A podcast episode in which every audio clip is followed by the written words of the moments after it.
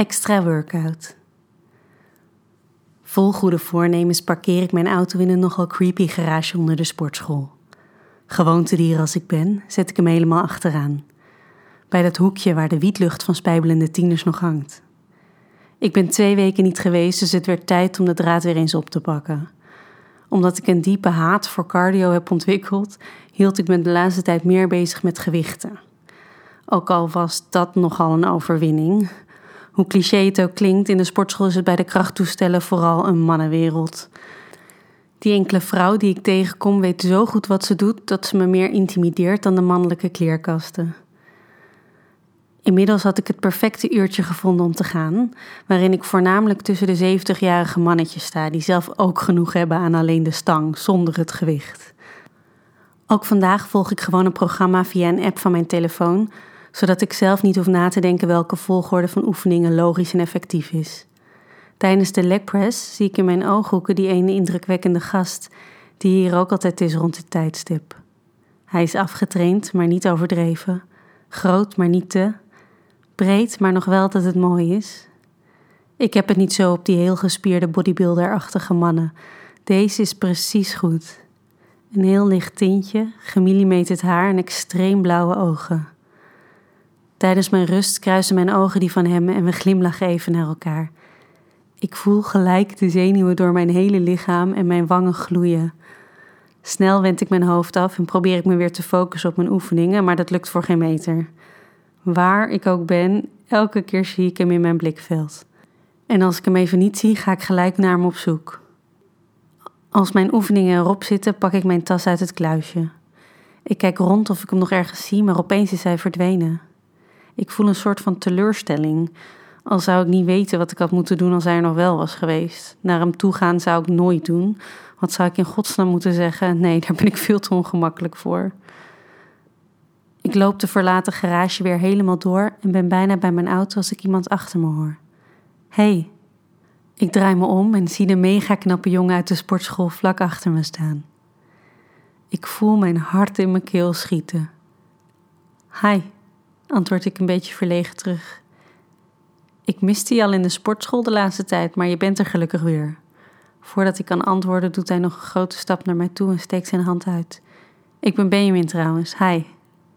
Ik schud nog steeds een beetje twijfelend zijn hand en stel me ook voor. Ik wil zijn hand weer loslaten, maar hij blijft me vasthouden.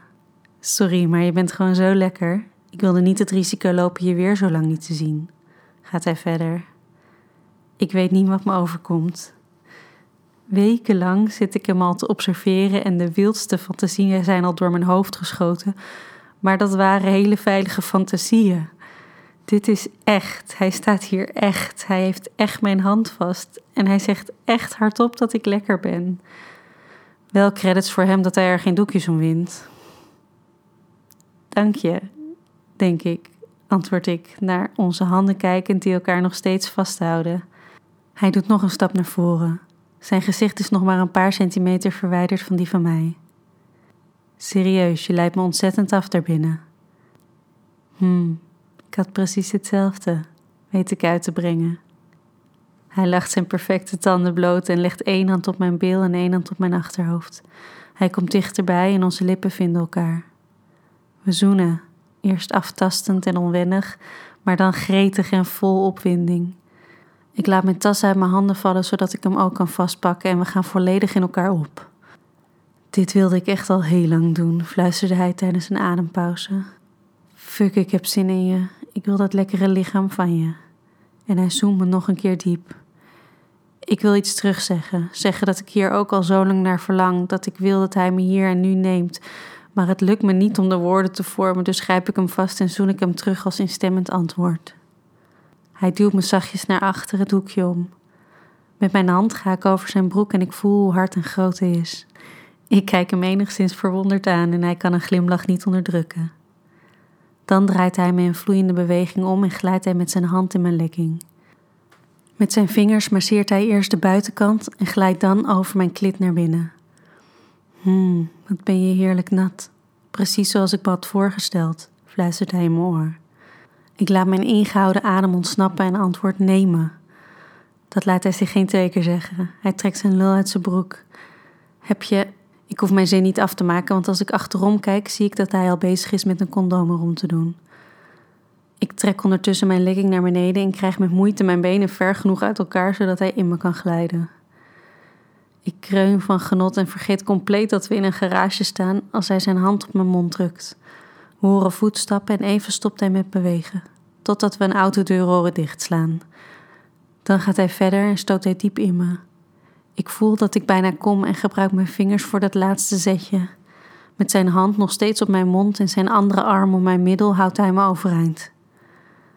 Dan verhoogt hij zijn tempo en komt hij vrij snel ook klaar. Ik trek snel mijn legging omhoog en leun met mijn rug tegen de muur aan om uit te puffen. Als hij ook weer aangekleed is, kijkt hij me aan. Hij doet zijn mond open, maar sluit hem dan weer zonder iets te zeggen. Ik verlos hem uit zijn lijden en beweeg naar hem toe. Ik zie je wel weer, hè? Ik moet op mijn tenen staan om hem mijn laatste kus te geven. Onze lippen raken heel licht voordat ik mijn voeten weer op de grond laat zakken. Zonder hem verder nog aan te kijken, loop ik richting mijn auto. Onderweg pak ik mijn tas van de grond en voordat ik instap, kijk ik nog één keer achterom. Hij staat tegen de hoek van de garage geleund en kijkt me verbaasd na. Ik steek mijn hand naar hem op en stap dan in. Ik rijd weg, me afvragen of ik hem ooit nog op dit tijdstip bij de sportschool zal zien.